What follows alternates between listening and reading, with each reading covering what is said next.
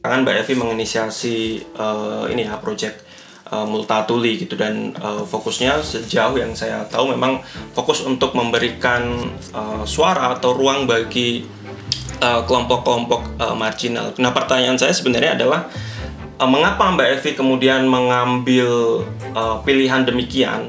Nah ternyata itu semakin ke sini dengan model bisnis yang baru gitu ya dengan kepemilikan oligarki, makin ke sini jurnalisme itu uh, tidak tidak lagi mengandung kata public public service gitu ya di dalam kata jurnalisme.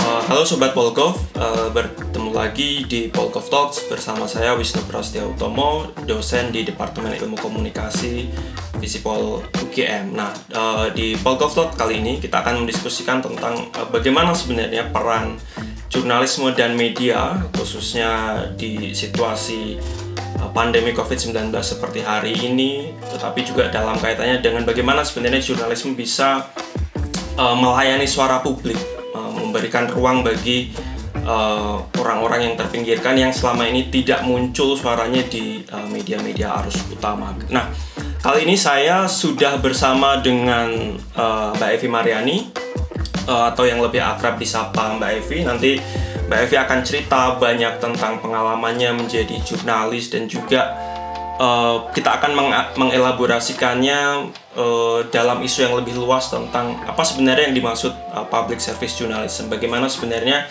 jurnalisme bisa memberikan ruang bagi orang-orang yang terpinggirkan yang selama ini tidak uh, punya suara kayak gitu. Nah uh, halo Mbak Evi apa kabar Mbak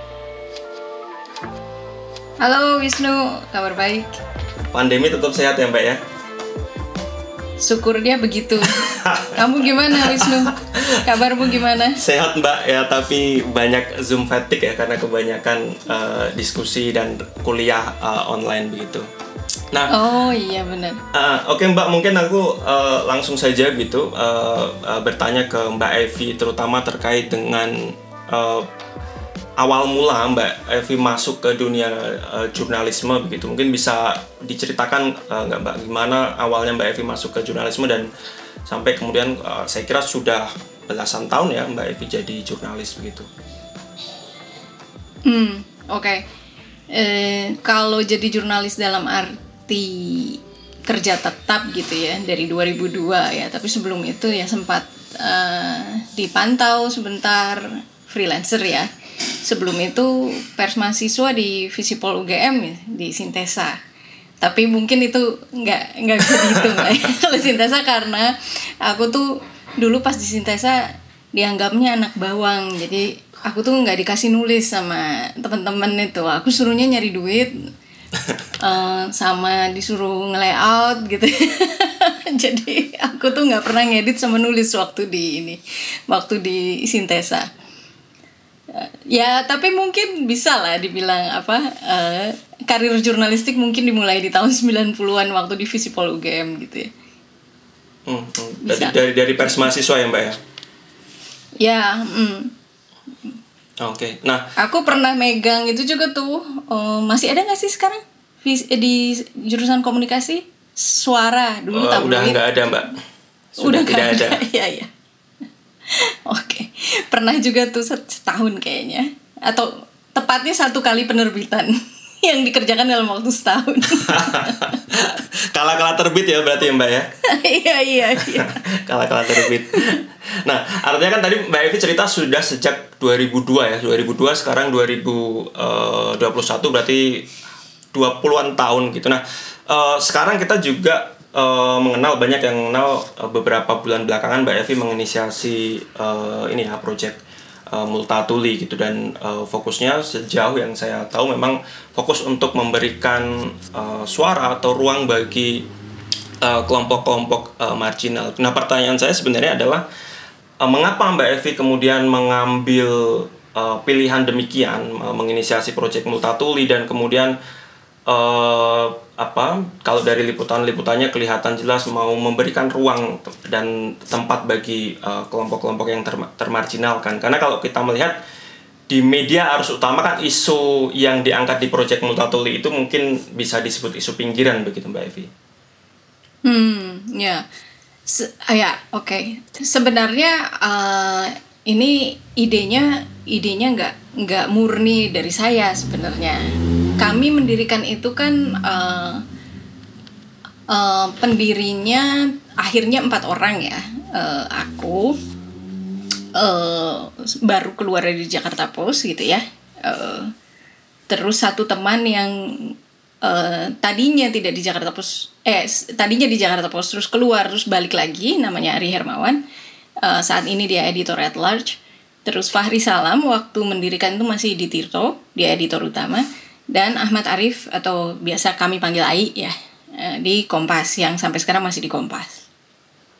Nah pendirinya empat orang ini, uh, tapi sebenarnya proses mendirikan itu um, dari 2020 akhir tuh sudah ngobrol-ngobrol-ngobrol-ngobrol sebenarnya yang yang uh, membikin napasnya itu jadi surfing di underreported itu ya melayani yang dipinggirkan itu sebenarnya Ari Hermawan. Jadi Ari ini dia S2-nya di uh, Arizona tapi bukan yang bukan yang state saya lupa. University of Arizona kalau nggak salah. Dia kuliah jurnalisme di sana. Terus uh, justru dia ya yang yang bilang bahwa ini di Amerika public service journalism yang non profit tuh uh, apa mulai inilah ya mulai naik gitu ya. Contohnya yang dicontohkan tuh ProPublica. Dan dia melihat bahwa di Indonesia ada kebutuhan yang sama gitu ya Uh, maksudnya bukan cuma sekadar di Amerika ada yang keren terus kita harus ikut gitu. Enggak hmm. juga ya tapi dia juga melihat bahwa kok uh, industri media di Indonesia itu dikuasai oleh ini ya orang-orang kaya yang uh, dekat sama politisi ya. Uh, dan kadang-kadang disebut sebagai oligarki gitu ya. Atau kalau dalam bahasa Inggris tuh kadang-kadang aku suka istilah ini politically wired tycoons gitu ya. Jadi mereka punya apa? Orang kaya tycoon yang punya kedekatan politik gitu ya punya uh, afiliasi dengan dengan politisi-politisi. Nah, penguasa-penguasa orang-orang inilah yang menguasai eh, media-media grup yang besar gitu kan. Nah, di luar yang oligarki ini kami juga ngelihat kok makin ke sini makin armchair journalism ya. Jadi yang model jurnalisme yang duduk ngeliat-liat Twitter gitu ya, seleb-seleb ngomong apa gitu kan. Beberapa kali itu kan ada uh, apa uh, terakhir ngilu aku sebut sebagai ngilu gate gitu ya yang hmm. di mana wartawan FIFA apa uh, meliput olahraga olimpiade tapi malah ngomentarin badannya satu atlet perempuan gitu kan. Uh, uh, dan di setiap judulnya yang ternyata dia bikin ada enam atau berapa ada kata ngilu itu kan. Aduh bikin ngilu ini bikin ngilu gitu ya. Nah itu yang uh, saya kira itu sebenarnya ekses atau akibat buruk akibat negatif dari disrupsi disrupsi digital ya di mana model bisnis konvensional media-media itu terdisrupsi gitu ya. Uh, sehingga mereka dari iklan-iklan yang uh, apa jumlahnya besar ya secara uang gitu ya print pound itu ya istilahnya itu jadi digital dime gitu. Begitu dia jadi iklan digital jumlahnya kecil sekali sehingga memaksa newsroom itu untuk uh, meraup page views yang uh, ininya gila-gilaan gitu ya. Angkanya sangat gila-gilaan. Uh, karena kalau angkanya itu banyak tapi nggak nggak banyak banget itu uang dari iklan digitalnya tuh nggak ya nggak cocok sama operasi ininya, operasi redaksinya gitu ya. Jadi model bisnis digital ini yang setelah ada disrupsi digital ya dari Google, Facebook yang mengambil sebagian besar kue dari pendapatan iklan itu, media ini cuma dapat recehnya gitu ya. Akhirnya ya itu ngepush uh, sedapat mungkin sebanyak mungkin link yang dikerjakan dengan biaya serendah mungkin oleh wartawannya gitu ya.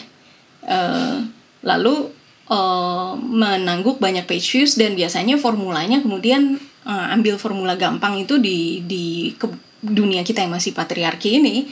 Ya perempuan yang diobjektifikasi gitu kan ya. Seks gitu ya. Terus oh apa? Uh, dan yang kejadian yang aneh-aneh yang yang kadang-kadang bukan fakta gitu ya. Uh, itu juga dibikin gitu. Nah ini yang terus kemudian menjadi sesuatu yang uh, dumbing down of news ya. Jadi berita itu jadi kayak makin bego dan makin bego. Pembaca seperti dipaksa untuk mau nggak mau kayak terpapar dengan itu ya. Uh, kan sekarang kita dari medsos kan ya Wisnu ya. Maksudnya kita nyari berita dari medsos. Kita buka orang-orang lagi ngeributin hal-hal yang hmm, ya itu yang mungkin sebenarnya nggak terlalu kepengen kita baca gitu ya. Tapi akhirnya kita terpapar juga. Nah itu formula bisnis yang seperti itu yang kemudian membuat uh, jurnalisme itu yang sebenarnya sebenarnya harusnya memang kitohnya itu ya. Itu kan melayani publik sebenarnya harusnya gitu ya. Nggak usah ditambah-tambahin uh, public service journalism gitu ya. Kemarin kami diskusi sama salah satu penulis terkenal Mas Aan Mansur juga mempertanyakan itu. Sebenarnya ngapain menyebut public service journalism? Bukankah dalam kata jurnalisme harusnya yeah. udah ada public service-nya gitu kan? Betul sekali gitu kan? Nah ternyata itu semakin ke sini dengan model bisnis yang baru gitu ya dengan kepemilikan oligarki makin ke sini jurnalisme itu uh, tidak tidak lagi mengandung kata public public service gitu ya di dalam kata jurnalisme. Dia Uh, kemudian status jurnalisme Indonesia yang waktu itu saya kita juga pernah ngobrol kan itu di podcastnya kamu gitu ya. Kemudian kan jadi lebih melayani elit gitu. Terus dia jadi male centric juga urban centric juga karena dari situ uangnya lebih banyak uh, apa di di sumber uangnya lebih banyak dari situ. Nah itu yang kemudian membuat uh, kami waktu itu Ari yang melontarkan dah ini aja uh, apa kayak ProPublica uh, non non profit public service journalism dan kita ngisi sesuatu yang namanya news desert. Jadi kayak padang pasir ini ada ketimpangan informasi kita lihat di mana ketimpangannya kita isi di situ. Nah kami memutuskan oke okay, itu yang dipinggirkan sebenarnya yang masih hmm, sangat jauh dari terlayani gitu uh, banyak intuisinya juga ya secara intuitif gitu. Kita nggak pakai riset market juga waktu itu ya uh, waktu mendirikan gitu. Awalnya pakai intuisi aja dulu gitu. Uh, dan ya agak sedikit nekat gitu ya karena nggak ada modal kan karena kami akhirnya memutuskan nggak nggak kita nggak cari modal dari venture capitalist gitu ya. Terus duitnya dari mana dong? Ya udah cari-cari dulu ke mana lah gitu kan. Uh, dengan modal nekat kami bilang ya udah kami melayani yang dipinggirkan terus ya udah kita challenging status quo aja. Uh, jadi sebenarnya hasil kol diskusi kolektif lah ya kenapa public service. Itu sih backgroundnya gitu ya. Bahwa kami sebagai wartawan semua yang sebenarnya bekerja di media mainstream yang baik reputasinya semua Jakarta Post Kompas Tirto kan bagus-bagus semua yeah. gitu ya apa keren-keren semua gitu ya. Yeah. bukan bukan media yang tadi aku sebutkan lah gitu ya.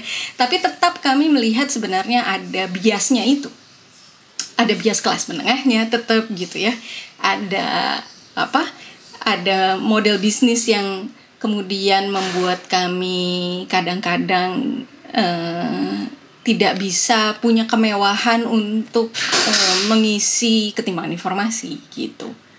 Nah ini yang kemudian uh, kami lihat oh udah kalau kami kita kami bikin sendiri dan sejak awal gitu mendeklarasikan dengan sangat clear gitu ya public service journalism kami nantang oligarki gitu kan kami nggak mau disetir uh, pasar yang kayak begitu.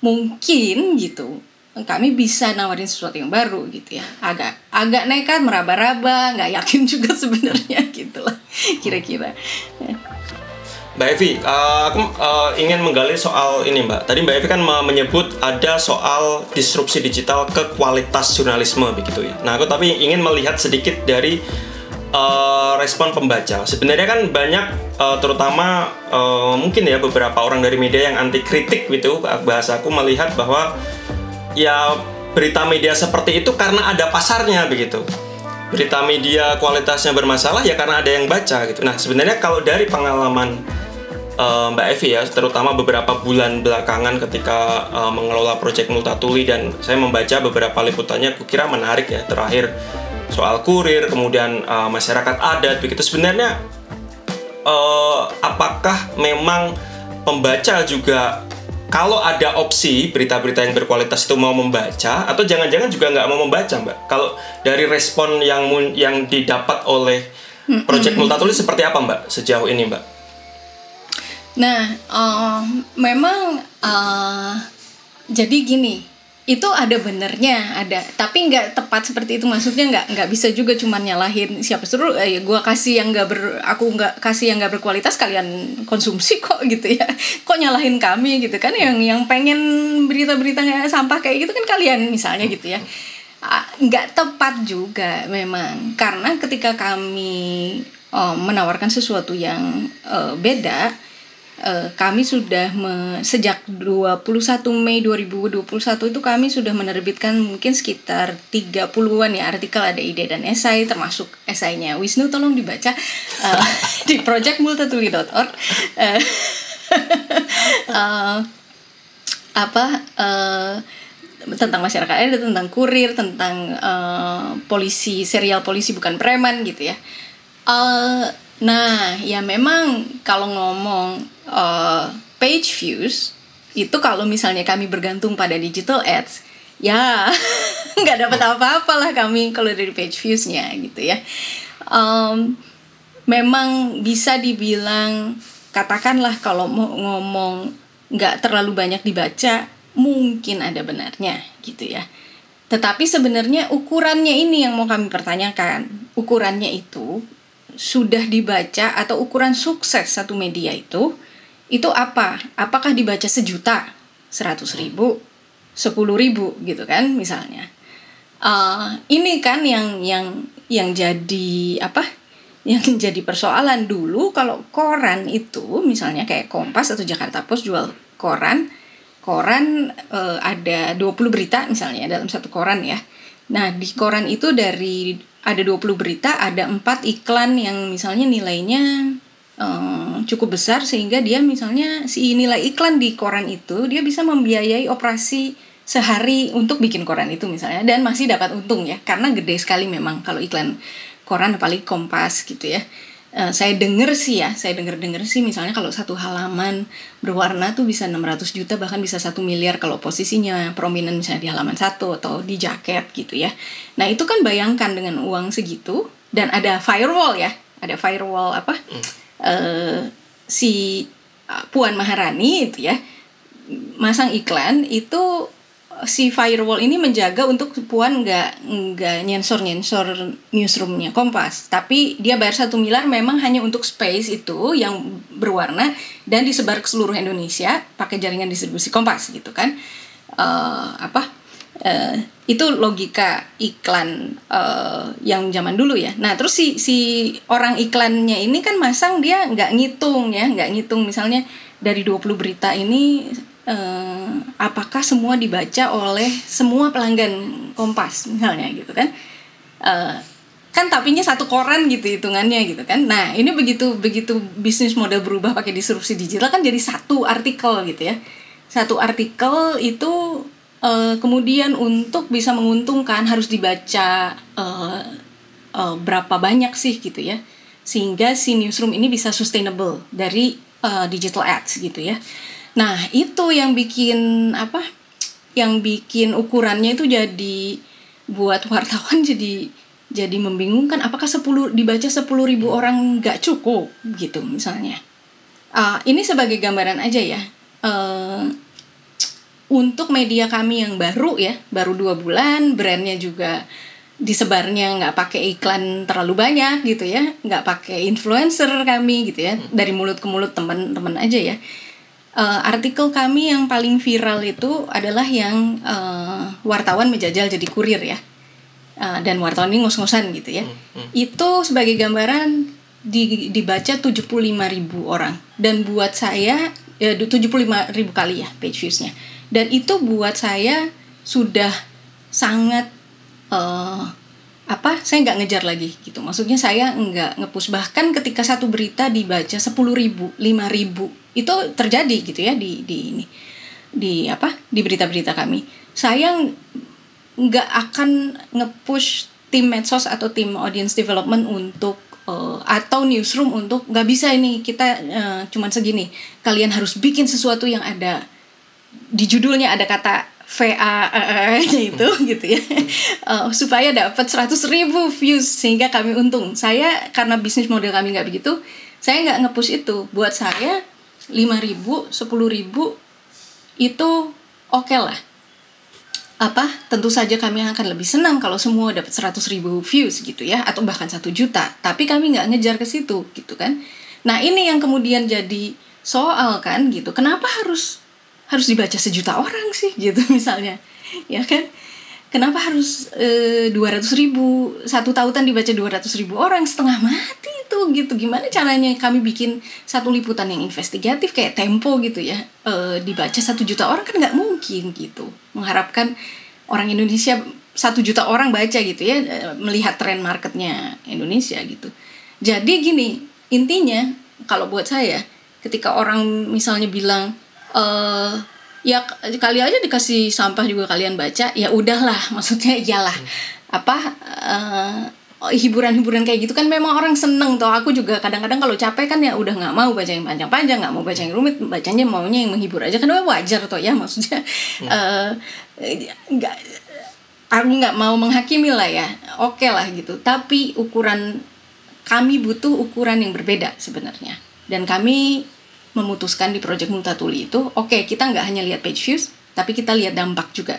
Sehingga kita bisa nyaman bikin artikel yang biayanya mungkin tinggi gitu ya, penuh dengan cinta gitu ya dibikinnya gitu ya, dengan research bacaan yang banyak dulu gitu kan, pengetahuan yang melimpah, lalu kami bikin diedit dengan uh, diedit dengan serius gitu kan, didiskusikan dengan serius dan mungkin dibaca cuma 10.000 orang gitu ya Uh, tapi ini 10.000 pembaca yang mungkin menurut saya powerful gitu ya sehingga bisa bikin perubahan bisa bikin dampak buat saya itu lebih lebih bagus gitu. Jadi saya juga kemarin diskusi gitu ya di, di rapat redaksi uh, tim audience developmentnya kan lapor gitu ya kita page viewsnya segini segini sih aku bilang oke okay, aku seneng kalau kita dibaca lebih banyak orang tapi bisa nggak kita uh, bikin satu measurement tools uh, yang lain yaitu impact gitu ya gimana caranya? Ini juga aku masih nyari gitu ya. Yuk kita cari sama-sama gitu impact misalnya. Nah nanti kalau aku dikasih kesempatan cerita sebenarnya yang serial skrup ke kecil kurir ini menyenangkan sekali buat kami gitu dari sisi impact gitu. Mbak artinya berarti memang tadi ya kalau aku menangkap yang disampaikan Mbak Evi perlu ada satu uh, metrik baru ya metrik atau ukuran standar baru dari sisi apa sebenarnya sih yang di, dimaksud sebuah karya jurnalistik itu dibilang uh, berhasil gitu? Kan tadi uh, Mbak Evi uh, menyebut ya dibaca 10 ribu, 100, 100 ribu, 1 juta orang itu dari satu sisi misalnya aspek bisnis mungkin uh, bagus gitu. Tapi di sisi lain itu juga nggak nggak melulu jadi ukuran kualitas uh, apa karya jurnalistiknya gitu ya Mbak ya kalau nggak salah nangkap ya? Ya, jadi gini, kalau misalnya kita uh, terjebak di uh, itu ya di hanya di ukuran itu ya. Uh, kan salah sendiri kamu yang mau baca gitu ya. Uh, ya sekali lagi aku nggak mau menghakimi orang yang memang uh, kemudian lebih banyak baca konten-konten yang ringan. Itu sudah jadi apa? Satu satu apa? Satu situasi mental psikologis yang yang sudah lah gitu kan nggak usah di ya oke okay lah mungkin kamu kalau Wisnu kan di komunikasi mungkin kita harus uh, apa literasi orang gitu ya. Itu itu oke okay, fine gitu ya. Kalau mau di mau di di apa uh, pendidikan literasinya di di diperbaiki supaya orang tuh nggak cuma nyari ketika baca berita nggak cuma nyari yang yang ringan-ringan aja gitu ya tapi mau baca yang lebih serius ya. Itu satu PR mungkin satu PR-nya scholars gitu ya uh, untuk literasi media. Tapi oke okay lah itu nanti dulu lah. Kita ngomong di situasi sekarang dulu yang orang memang lebih seneng baca yang seks gitu ya. Yang apa uh, perempuannya kelihatan cantik gitu ya atau apa ada ada foto perempuan cantik atau apa. Fine oke okay lah kita terima dulu itu gitu ya. Kita terima dulu itu kita beroperasi di pasar yang karakternya seperti itu nah apakah terus kemudian wartawan satu-satunya ukuran sukses itu harus uh, page views yang sedemikian banyak? Nah itu yang mau aku gugat gitu. Karena kalau ukurannya itu ya iya kita jadinya akhirnya ya ya aku produksi yang kayak begini lah jelas yang lu yang mau kok gitu. Iya jadinya sikapnya jadi kayak yang tadi kamu bilang itu gitu. Apa sikap wartawannya jadi begitu. Ya, aku bikin ini karena kamu yang minta kayak gini. Aku bikin yang serius-serius kalian nggak baca kok. Aku kan sedih jadinya gitu kan. Capek-capek bikin berita. Kalian nggak mau baca gitu. Bisa aja sih nyalahin kayak gitu. Tetapi kemudian kalau buat aku sikap itu mungkin tidak salah per se, tapi ukurannya yang dia pakai yang salah itu gitu kan. Harusnya wartawannya bilang, ya oke nggak apa-apa. Yang baca tulisanku mungkin cuma 5000 gitu. Tapi mungkin berdampak dan mungkin 5000 orang ini 5000 yang berkualitas gitu kan. 5000 orang yang berkualitas, 5000 orang yang uh, lebih educated, decision make, decision makers misalnya. yang terus kemudian bikin dampak lebih besar misalnya misalnya gitu ya aku aku mau mempertanyakan ukurannya sebenarnya Oke, oke. Terima kasih Mbak Evi. Kira uh, cukup itu ya untuk sesi satu dan saya kira penjelasan Mbak Evi menarik menjelaskan bagaimana uh, kira Mbak uh, apa Mbak Evi mendiagnosis problem jurnalisme di Indonesia termasuk model disruptif uh, digital begitu juga uh, metrik atau ukuran dari uh, apa namanya kukira juga ukuran bisnis juga ya Mbak ya karena kalau melihat dari yang yang disampaikan Mbak Evi tadi banyak uh, menyinggung soal uh, model uh, bisnis media. Nah, Mbak Evi mungkin ada yang mau di highlight lagi nggak Mbak dari dari sesi kita yang pertama ini? Uh, ya, apa memang bisnis model ini yang kemudian uh, jadi tantangan uh, banyak jurnalis juga banyak pemilik-pemilik media ya. Bisnis model yang gimana caranya berkelanjutan, sustainable gitu ya. Tetapi kesetiaannya tetap pada publik gitu ya uh, misalnya gini um, satu sumber pendapatan media lain yang besar itu adalah korporat iklan dari korporat nah ketika satu media itu digerojokin iklan dari korporat itu teorinya akan ada firewall jadi nggak peduli seberapa besar uang yang dikeluarkan oleh satu korporat besar ini ke medianya harusnya orang iklan nggak bisa jalan kaki ke redaksi hmm. gitu ya. terus bilang ke editor uh, jangan kenceng-kenceng lah gitu kan. Teorinya ya mbak ya? Gitu kan. Uh, teorinya nggak boleh. Nggak boleh nggak boleh. Tapi pada praktiknya uh, itu terjadi. Pada praktiknya itu terjadi dengan cara mulai dari cara paling halus sampai cara yang sudah sangat kasar gitu ya. Nah uh, memang model bisnis ini yang kemudian jadi satu PR besarnya Project Multatuli gitu ya. Uh, kami itu melihat bahwa ini satu pertanyaan kolektif uh, jurnalisme dunia. Jawabannya masih diraba-raba, mulai adalah kelihatan titik terang gitu ya. Kan setiap tahun tuh kan Reuters ngeluarin uh, research gitu yeah. ya Google yang dituntut karena karena di, dianggap jadi platform yang gitu kan. memfasilitasi ini ya. ya.